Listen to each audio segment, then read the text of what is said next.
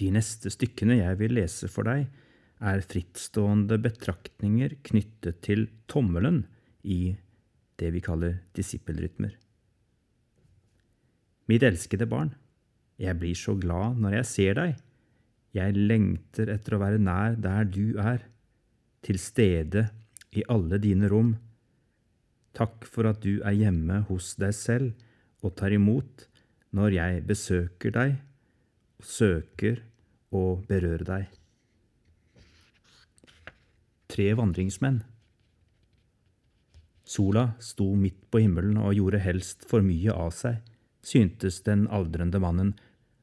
Også denne dagen sendte han en takknemlig tanke til sin venn Mamre. De var innflyttere i dette landet. Se her, hadde den nye vennen sagt. Slå opp dine telt i min svale eikelund, bli så lenge du ønsker, til du må dra videre med flokken din.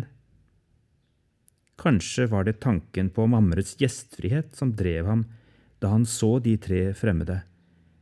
De hadde slått seg ned i skyggen under den største eika da dagen var som varmest. Fremmede på gjennomreise behøver alltid mat, vann og hvile. Men hvorfor kjente han med ett på en slik barnlig stolthet da de tre med glede tok imot hans gjestfrihet? Og hva var det med den myndige og milde stemmen hos ham som førte ordet? Nå husket han det. Det var ikke en fremmeds stemme. Det var den samme bydende stemmen som hadde sendt han ut fra sin fars hus, ut på den lange reisen til et annet land. Hvor ofte hadde han ikke spurt seg selv om dette lovede landet bare fantes i hans egen fantasi?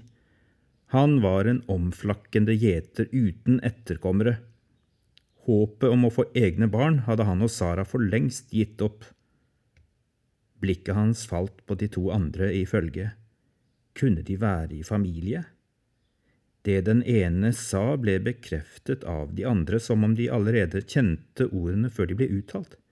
En strøm av varme, anerkjennelse og respekt bølget frem og tilbake mellom de tre, et fellesskap så tiltrekkende og samtidig så annerledes.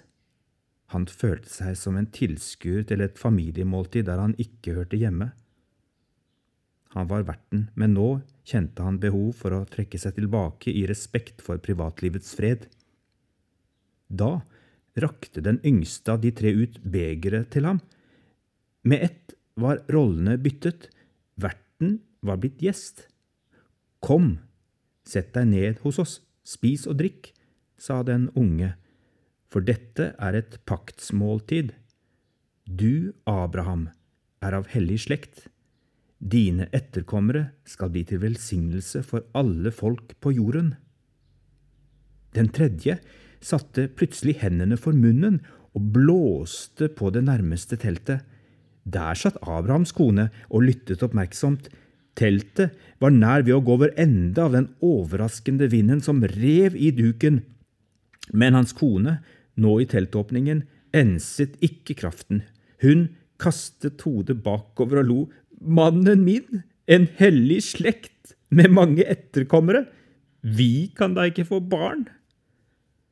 Da var den der igjen, den myndige og milde stemmen som de begge både elsket og fryktet. Også Sara kjente igjen stemmen nå. Stemmen tilhørte den eldste av de tre, og nå stilte han spørsmålet, Er det noe som er umulig for Herren? Der og da var ikke lenger den svale eikelunden bare Mamres land. Den var Guds eikelund.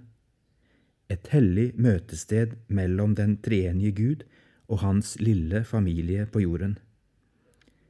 Og slik den største eika skulle vokse og gi spirer til nye trær og eikelunder i Hebron, slik spiret det fram fra Abrahams og Saras røtter, et skudd med kraft til å velsigne alle folkeslag.